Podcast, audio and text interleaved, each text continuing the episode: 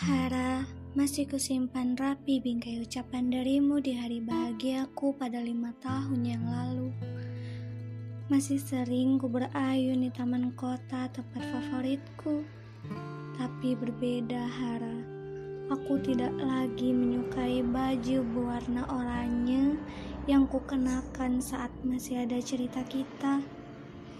Juga sudah tidak lagi memakai jaket bertuliskan namamu di belakangnya. Aku tidak melupakannya. Kuselipkan di bagian lemari paling belakang. Karena jika terus terlihat, aku akan sulit melupakan bagaimana caramu melibatkanku pada permainan teka-tekimu. Hara, aku tidak lagi mengumpulkan nama siapa yang paling banyak diabadikan sejauh pandanganku juga tidak lagi melintasi jembatan yang ada di mimpimu.